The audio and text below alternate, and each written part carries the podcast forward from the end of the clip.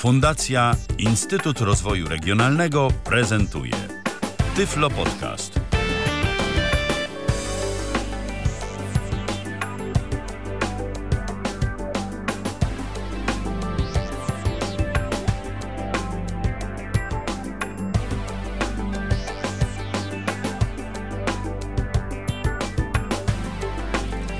Witam bardzo serdecznie. Tym razem we wtorek, 14 e, października 2014 roku, po godzinie 19. Przy mikrofonie i za konsoletą Tyflo Radia Michał Dziwisz e, rozpoczynamy kolejne spotkanie e, z audycją Tyflo Podcastu na żywo. Dziś mówić będę dosyć krótko, bo też i audycja tak naprawdę nie wymaga jakichś wielkich pokładów czasu, aby przedstawić ten cały temat, ale temat jest interesujący tak przynajmniej mi się wydaje, tym bardziej, że u nas w Polsce raczej mało wyeksploatowany, yy, o czym za moment także opowiem.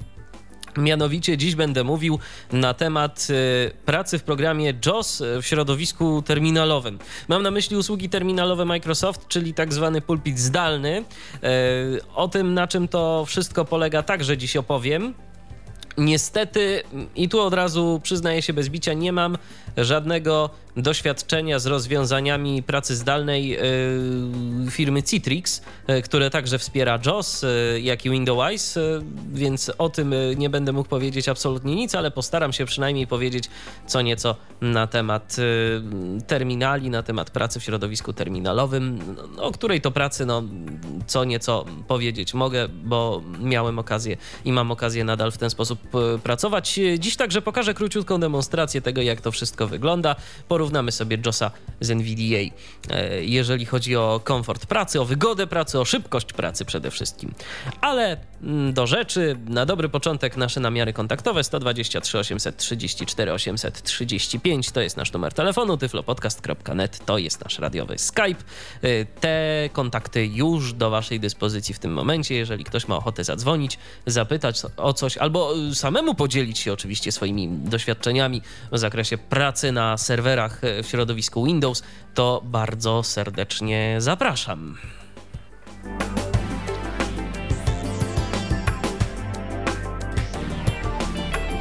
Na dobry początek powiedzmy sobie, czym właściwie jest praca terminalowa w środowisku terminalowym, co to tak naprawdę są te terminale? I po co właściwie mogłoby nam to być potrzebne użytkownikom komputera, użytkownikom niewidomym. Oczywiście do domowej pracy, takiej zwykłej, to absolutnie do niczego, no chyba, że posiadamy Windows y, XP albo wyższe w wersji Professional, y, które to y, umożliwiają zalogowanie się za pomocą klienta pulpitu zdalnego na nasz komputer i pracę w ten sposób. Y, jednak tak naprawdę praca terminalowa swoją, swój potencjał pokazuje dopiero wtedy, kiedy zaczynamy pracę w jakiejś większej firmie, która zazwyczaj nie daje oprogramowania, na którym pracujemy swoim użytkownikom do instalacji, tylko ze względów różnych. Często to są względy bezpieczeństwa, ale także bardzo często są to aspekty praktyczne. Udostępnia po prostu kilka, kilkanaście bądź też kilkadziesiąt serwerów, na których to oprogramowanie jest zainstalowane. My pracujemy logując się po prostu do takiego serwera, podając naszą nazwę użytkownika i hasło, które podał nam nasz administrator i pracujemy sobie z taką właśnie aplikacją zupełnie tak, jak gdybyśmy e, siedzieli siedzieli przy naszym własnym komputerze, y, klikali sobie myszką, wprowadzali znaki z klawiatury. Po prostu pracujemy w Windowsach, tyle że zdalnych Windowsach. No tak można by powiedzieć. Y, serwery, które y, są posadowione, na których są posadowione tego typu aplikacje, to zazwyczaj no, to są produkty z linii serwer, firmy Microsoft, czyli Windows y, na przykład 2003 bądź też 2008. O ile mnie pamięć nie myli, to wsparcie dla programów odczytu ekranu jest y, na chwilę obecną maksymalnie do Windowsa 2008 R2, a przynajmniej y, do takiego wsparcia przyznają się twórcy programu JOS chociażby. Natomiast jak to wygląda w praktyce, szczerze mówiąc, także, także nie wiem, bo no akurat y, w kwestii serwerów, y, kwestii y, konfiguracji takich serwerów nie mam jakiegoś zbyt bogatego doświadczenia. Co najwyżej jest to praca i ewentualnie jakieś tam konfigurowanie podstawowych rzeczy, czy, czy doraźna pomoc użytkownikom, bo przeważnie tym się gdzieś tam zajmuję, jeżeli już do tego dochodzi, jeżeli mm, muszę pracować na takim serwerze. I jest to jeszcze dodam serwer 2003, więc stareńkie rozwiązanie, ale tego typu systemy mają to do siebie, że jak raz się je zainstaluje, to się tego tak naprawdę nie rusza. Więc y, być może dlatego także i twórcy programów odczytu ekranu jakoś niespecjalnie się spieszą z tym, mm, żeby mm, po prostu gdzieś tam te do tych nowszych, jeszcze nowszych y, serwerów mm, Windowsowych to wprowadzać. No ale to takie dywagacje. Wspomniałem o tym, że pracujemy tak, jakbyśmy siedzieli przy naszym własnym komputerze i korzystali z aplikacji. E, dla użytkownika niewidomego nie jest to tak dosłownie identyczne wrażenie. Niestety e, mamy pewne opóźnienia jeżeli chodzi o naciskanie klawiszy i mowę, która jest słyszalna. W związku z czym producenci odczyt programów odczytu ekranu wpadli na pewien dosyć ciekawy pomysł.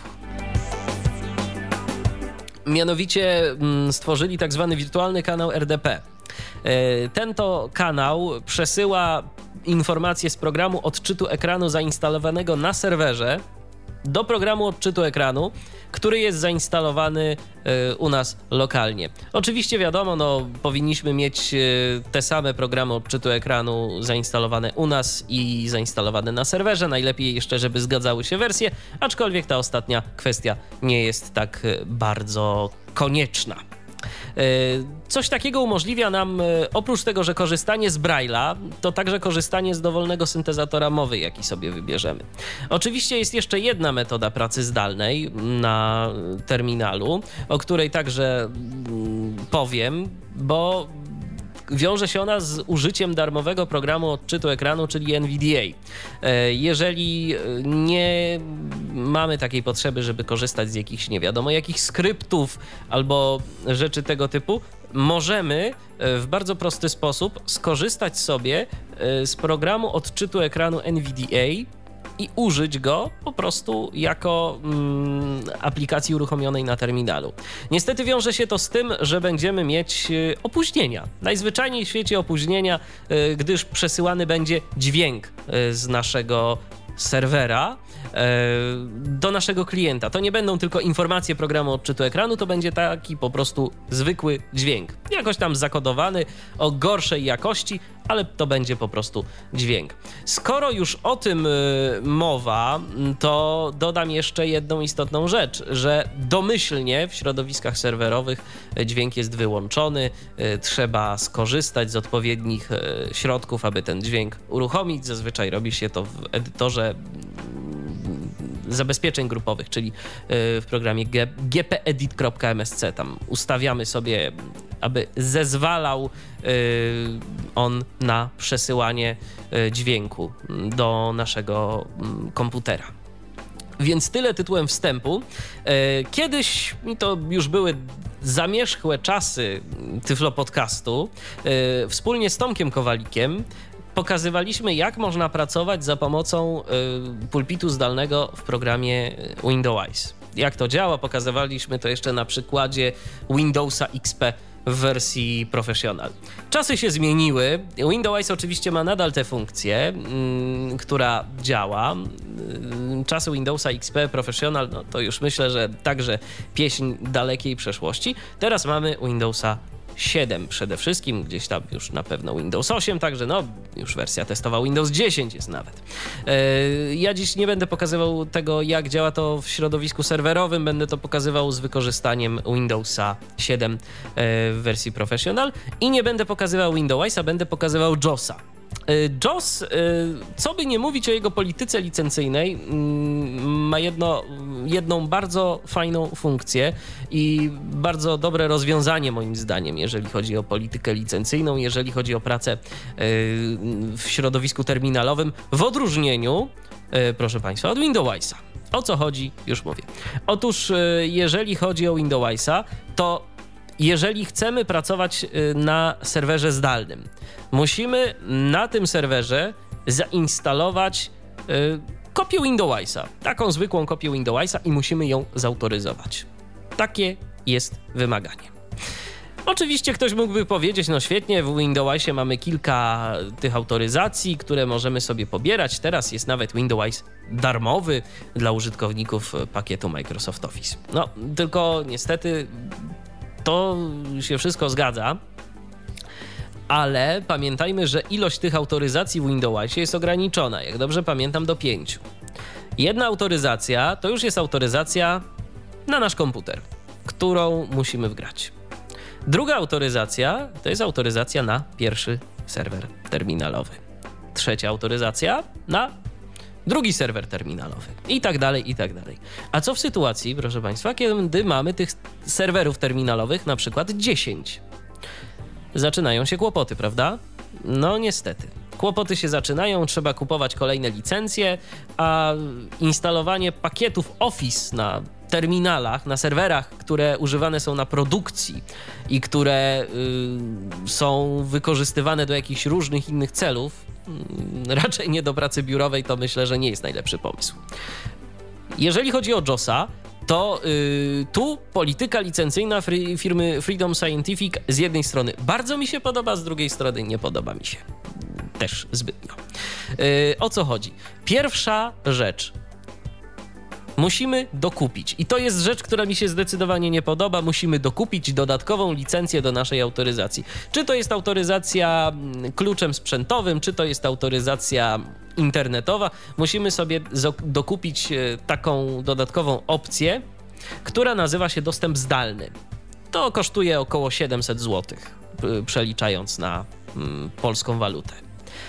Yy, dokupujemy sobie taką opcję do naszego klucza autoryzacyjnego, do naszej autoryzacji JOSa i jesteśmy uprawnieni do pracy na nieograniczonej liczbie serwerów i to jest coś, co mi się bardzo, ale to bardzo podoba. Jak to wygląda w praktyce?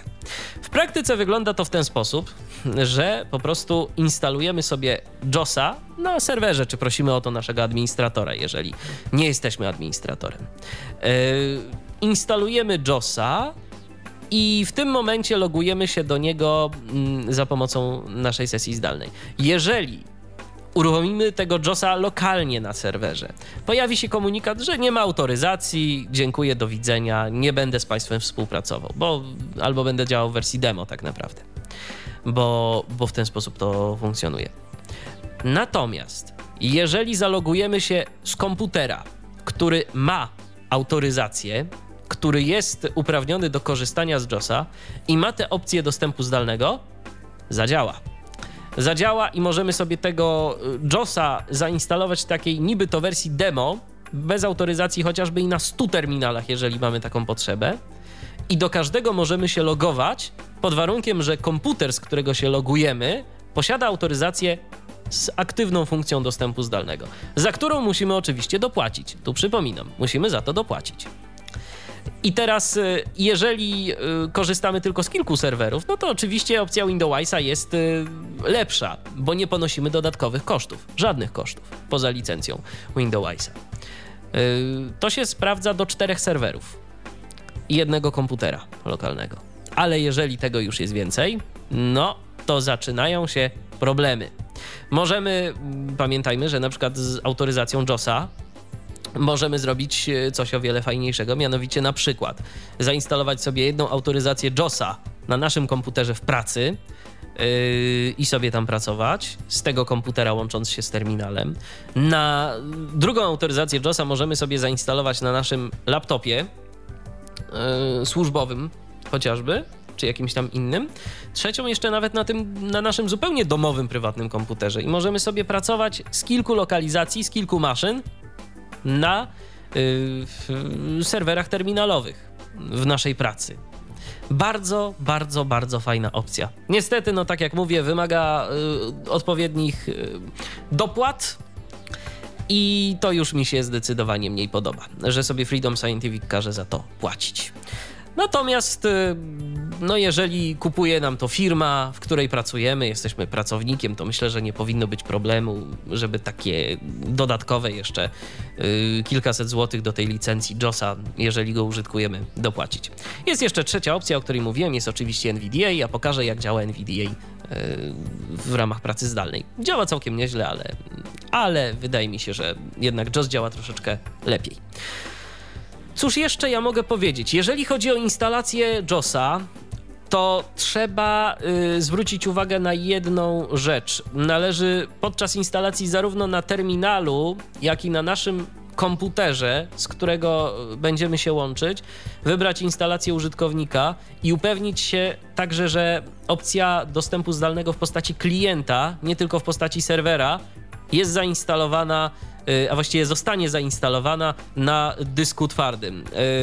Y, standardowo jest tak, że opcja klienta nie jest instalowana w takiej domyślnej konfiguracji, jest instalowana tylko opcja serwera. My potrzebujemy zarówno klienta, jak i serwera do tego, żeby nam to wszystko y, działało prawidłowo. I chyba tyle takich e, teoretycznych e, wstępów. E, jeżeli ktoś jest rządny wiedzy takiej naprawdę szczegółowej, co, gdzie, jak jest kopiowane, jakie uprawnienia należy nadać użytkownikowi, który będzie z tego korzystał, czy co należy zrobić podczas instalacji, gorąco zachęcam do lektury odpowiedniego rozdziału podręcznika do JOSa. Tam jest wszystko wyjaśnione.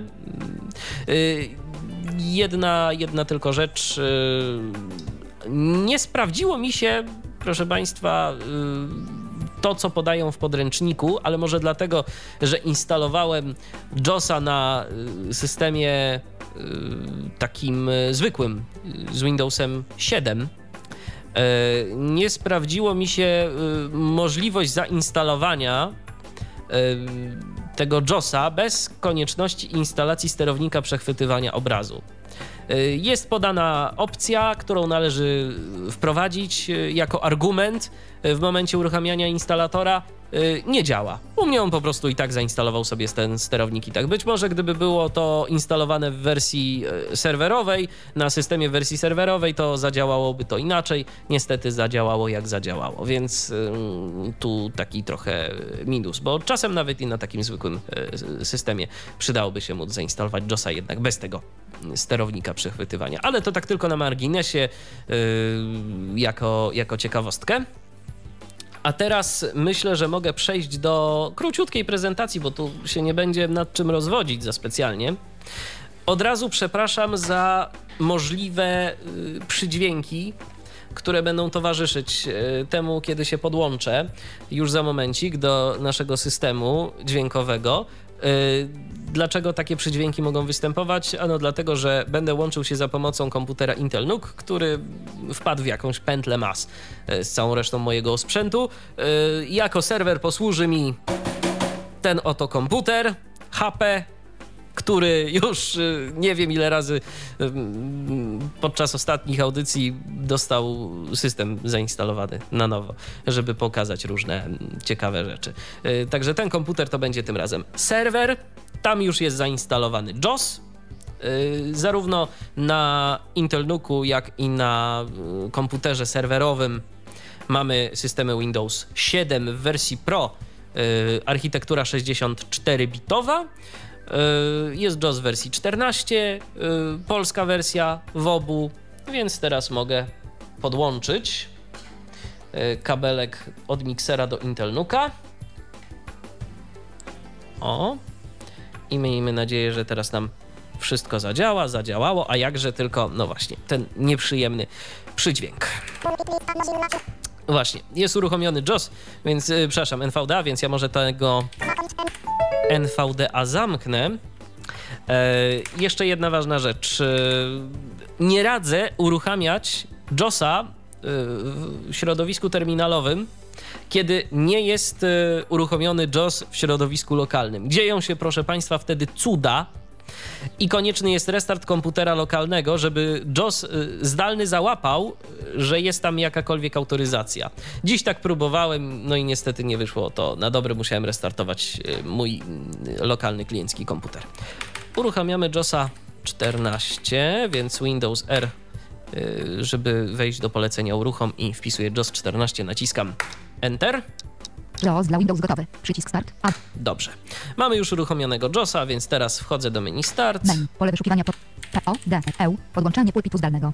Podłączanie pulpitu zdalnego. Enter. Zamykam menu. Podłączanie pulpitu zdalnego okno dialogowe. Komputer pole edycyjne kombi. 192 168 1 5. Ustaw wartość strzałkami lub wpisz nową wartość. Alt plus K. Tu mamy adres IP naszego komputera. Edytować łącze.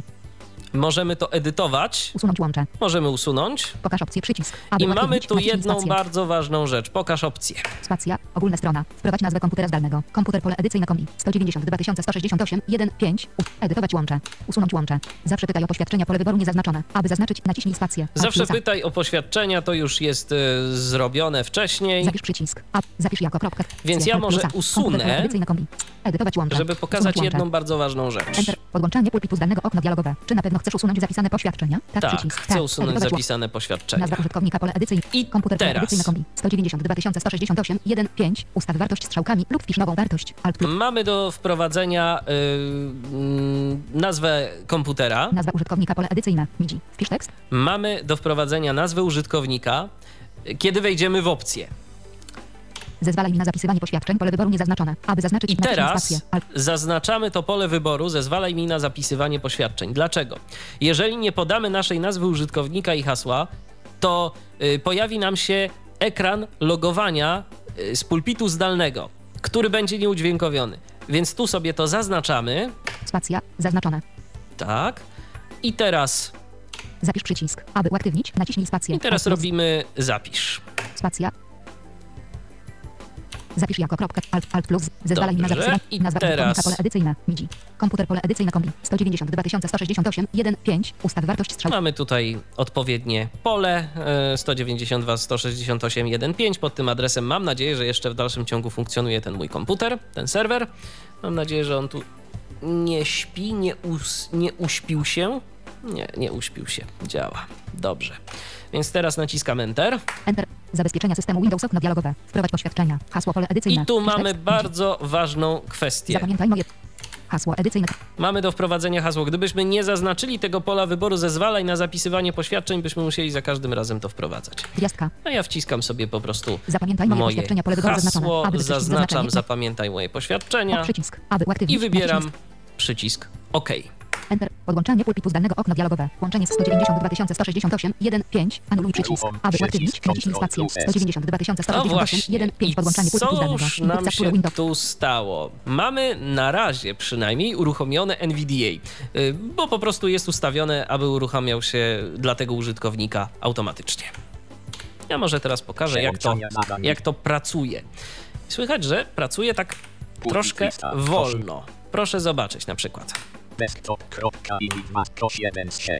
Desktop.ini desktop.ini 6 z 6 1 z 6. Dajmy na to, będę chciał uruchomić notatnik Windowser. Dialog wpisz nazwę N zaznaczę O P E P A B Właśnie, słychać, że to wprowadzanie tych literek i zanim on przekaże dźwięk, to troszkę mu to zajmuje, a ja w tym momencie jestem połączony po sieci lokalnej. Gigabitowy Ethernet. Więc bez tytułu notatnik no i teraz na przykład wpiszę coś sobie powiedzmy. E E T Później jeszcze zrobię taki jeden eksperyment i wyłączę JOSa, bo być może to on coś yy, mm, złego robi, tej NVDzie uruchomionej na komputerze yy, zdalnym, ale to jeszcze będę miał okazję się tym pobawić i, i pokazać Państwu, jak to działa. Póki co wyłączam NVDA na komputerze zdalnym, czyli Standardowo. tak, na pewno chcę. Chcę teraz uruchomić JOSa, więc dla pewności jeszcze przechodzę sobie na pulpit, Windows R. No i teraz JOS 14. Enter. JAWS dla Windows gotowy. Przycisk Start. Aby otworzyć naciśnij Enter. Trochę ciszej nam ten JOS mówi, ale słychać. Alt Tab. Zdalny JAWS. Zdalny JAWS. I proszę zobaczyć, tu jest chyba to jednak troszkę szybciej. Alt Tab. Bez tytułu notatnik. To jest test. End. Enter. Teraz na przykład coś wpiszemy. T. O. Spacji. J. E. S. T. Spac. T. E. S. T. Enter. A. T. E. E. A. Spac. E. E. Z. C. Z. E. Spac. J. E. D. E. N. Spac. E. E. T. Enter. No, wydaje mi się, że działa to, że działa to szybciej. Jednak e, w takiej pracy, jeżeli chcemy mieć komfort, to, to nie są jakieś duże różnice tych opóźnień. Ale jednak mimo wszystko wydaje mi się, że po prostu z JOSem, co by nie mówić, po prostu przez ten kanał wirtualny działa to e, fajniej, działa to szybciej. Oczywiście możemy korzystać z NVDA, będziemy się po prostu, podejrzewam, jednak trochę bardziej irytować, że nam to działa, jak działa. Ale zróbmy jeszcze jeden test. Ja teraz zamknę, ja teraz wyloguję się w ogóle z tego mm, komputera, więc zamkniemy notatnik. 4. Notatnik N. Zdalny JAWS. Tak. Windowsem. Pulpit. I teraz Alt F4 standardowo. Alt F4. Zamykanie systemu Windows okno dialogowe. Zamknij program i wyloguj się. Jaką czynność komputer ma wykonać? Pole kombi. Wyloguj. 2 z 5. Aby zmienić opcję, użyj Domyślnie, jeżeli łączymy się z systemem zdalnym, no to po prostu robimy wyloguj się. Wyloguj się i tyle. Więc ja się wyloguję. Enter. No i chyba już. USB 1. Tyflo radio Winamp 100. Tak. Już y, zamknął się pulpit zdalny, więc y, jestem już y, wylogowany z tego mm, pulpitu. Teraz y, zamknę JOSa i uruchomię lokalną kopię NVDA. Zamknij JAWS okno dialogowe. Tak, zamykam JOSa, uruchamiam sobie NVDA. Tak. Y, Teraz łączymy się ponownie y, do terminala, do komputera zdalnego.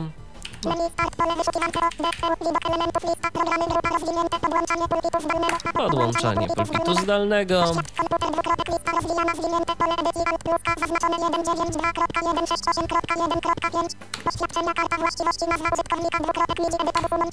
Tak, wszystko działa, jest wszystko wpisane tak jak trzeba, więc naciskam Enter, żeby połączyć się z serwerem. Uruchom przycisk Ctrl plus E. No i zobaczmy. Uruchom pulpit lista. No nie, nie, niestety, ale dalej działa to dość opornie. Jeszcze zrobimy test, taki jak ostatnio z notatnikiem. Uruchamianie G O T E P A D. Bez tytułu notatnik. Pole edycji nie O S E S T spac E S T.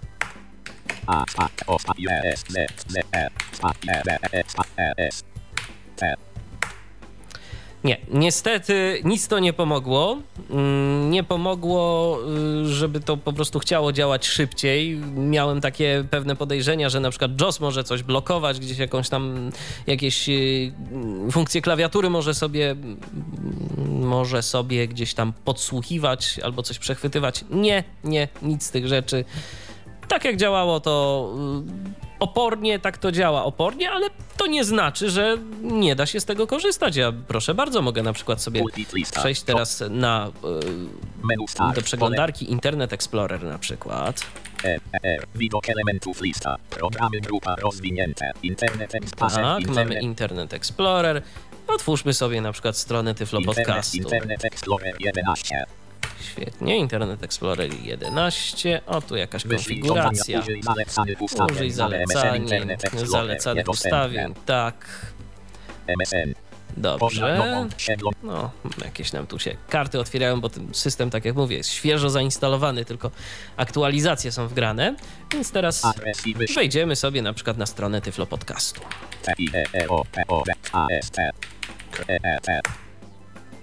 Pusta. Tyflo podcast audycje dla niewidomych i niedowidzących. Na Pielęgnacja psów przewodników pliki do pobrania. Prezentacja routera Huawei 5000. No i na przykład sobie- pobierz link z audycją. Pobierzemy ten plik. Windows Media Player dialog program No, Windows on nawet będzie grał chyba. To zobaczymy, jaka będzie jakość tego ustawienia zalecane. Tak. Ustawienia, ustawienia, spacja, wciśnięty, zacząć, przycisk, spacja, tyflo podcast audycje, Zagra czy nie zagra? nagłówek Fundacja Instytut Rozwoju Regionalnego prezentuje Tyflo Podcast.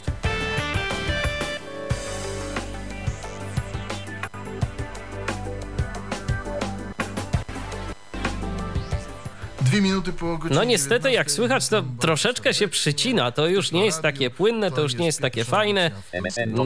panel, żeby to, sobie żeby sobie tego słuchać. No ale wiadomo, no, to, to nie jest po to, żeby sobie słuchać muzyki na, takiej, na takim terminalu, tylko to jest po to, żeby po prostu mieć jakąś e, informację zwrotną, jeżeli chodzi o dźwięk. Co w ogóle należy zrobić, żeby móc korzystać e, z takiego dostępu zdalnego? Ja może postaram się jeszcze tak na szybko to pokazać, jak to w ogóle działa. Wchodzimy sobie w menu Start i na przykład wpisujemy zdalny Widok elementów lista. Pomoc zdalna szukamy panel sterowania grupa panel sterowania nam się... Zezwalaj na dostęp zdalny do komputera. Tak, i wybieramy sobie zezwalaj na dostęp zdalny do komputera. Pas właściwości systemu dialog. Zdalny karta właściwości. Co się stanie po włączeniu pomocy zdalnej?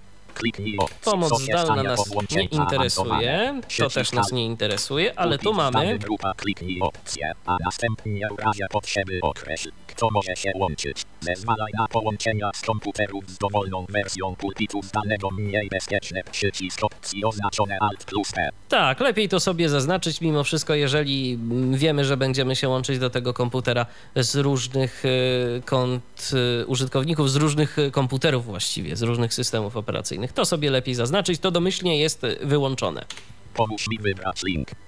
Wybierz użytkownika. Wybierz użytkowników i teraz jest jedna, myślę, że dosyć istotna kwestia.